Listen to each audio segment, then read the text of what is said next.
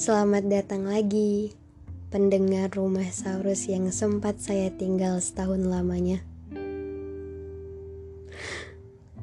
Lama banget ya ternyata. Maafin saya ya, di saat seharusnya saya berusaha untuk nemenin kalian dengan sepenuh hati, tapi saya malah pergi tanpa kata pamit dan hanya meninggalkan episode terakhir seolah besoknya saya akan datang lagi. Padahal saya nggak datang-datang. Rasanya ketika datang lagi, saya sempat mikir, kayaknya saya nggak pantas lagi ditunggu. Seharusnya rumah Saurus saya bakar aja. Toh udah kosong setahunan, bangunannya udah mati, dan semua perkakas di dalamnya sudah debuan dengan sarang laba-laba. Tapi, saya nggak akan sampai hati ngebakar rumah kecil ini. Ini salah satu rumah yang ngebuat saya dekat sama kalian, terkoneksi dengan kalian, yang barangkali nggak baca tulisan saya, tapi bisa dengar suara saya langsung di sini. Di rumah kecil ini, saya pikir saya boleh jadi diri saya sendiri tanpa harus ngerasa malu. Di rumah kecil ini, saya berharap bisa bangun semuanya lagi pelan-pelan. Walaupun saya pernah pergi jauh, lama sekali, tapi saya tahu saya tetap bisa kembali lagi ke sini. Jadi, untuk setahunan sepi yang saya biarkan terbuang gitu aja, saya benar-benar minta maaf. Setahun ini banyak banget yang saya laluin. Momen-momen yang baik yang nganterin saya ke macam-macam bentuk tawa ada. Tapi ada juga momen putus asa, capek. Kayaknya lebih baik kalau tidur aja seharian. Dan selama ini saya sadar sekangen apa saya sama tahun-tahun sebelumnya. Sebelum 2020. Saya harap semua orang yang sakit diberi kesembuhan segera dan semua yang sehat senantiasa selalu sehat. 2020 dan sekarang udah 2021 dan kita masih harus bertahan untuk hari besok, untuk hari setelah besok, untuk minggu depan, hingga bertahun-tahun ke depan. Kita harus bertahan, kuat, saling genggam tangan. Oke, okay, anyway, rumah. What's home to you guys? No, saya nggak lagi ngomongin satu bangunan dengan pintu dan jendela dan atap dan pagar berhalaman luas. Lalu ada kolam renang dan lapangan berkuda. Saya nggak lagi ngomongin soal itu. Tapi kalau ada yang mendefinisikan seperti itu, it also fine, nggak apa-apa. Karena saya lagi ngomongin rumah untuk definisi yang lebih dalam dan meaningful.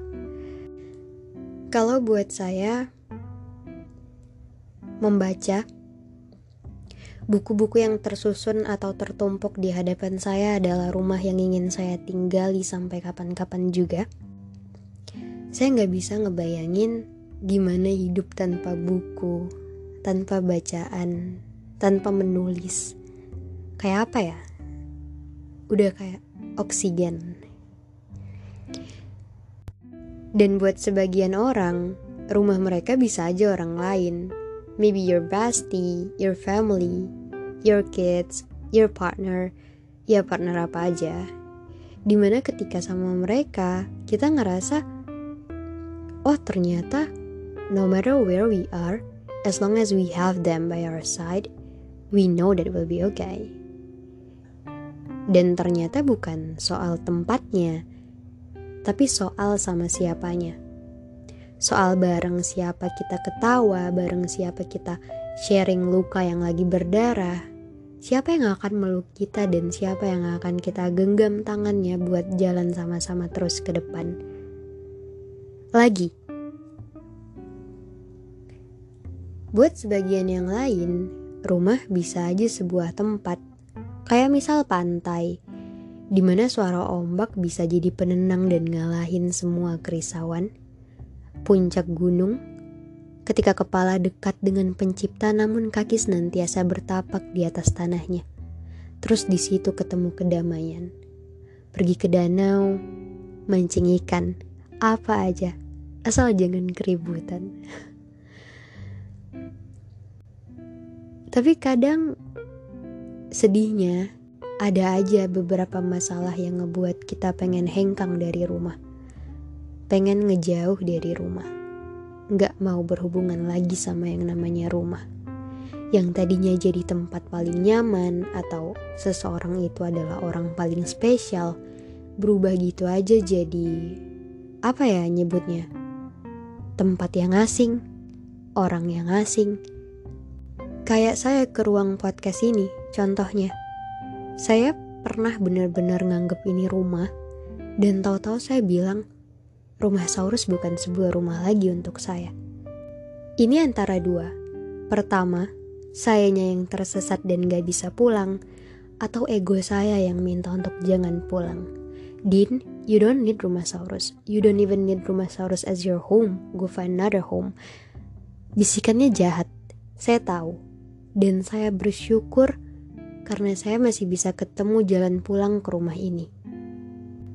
Bersuara di sini lagi, menyapa kalian semua lagi.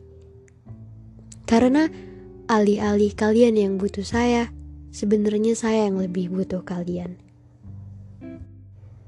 Jadi, kalau sekarang lagi punya masalah sama siapa pun, apa pun, jangan malu buat datang dan minta maaf, ngelurusin apa yang salah perbaiki apa yang rusak, benerin semua hal yang jadi sumber kesalahpahaman, atau cari orang baru, cari tempat baru, bangun pelan-pelan lagi hubungan sama rumah yang ingin kita tinggali.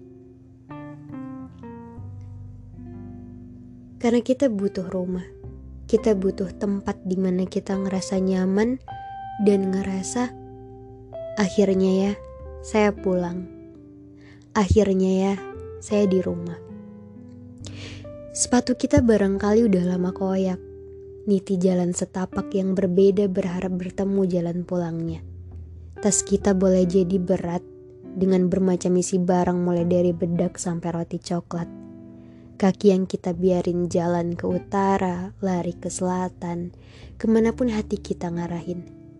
Karena kita harus tahu satu, sejauh apa pun kita berkelana, kelak akan ada waktunya kita kembali mengetuk pintu rumah.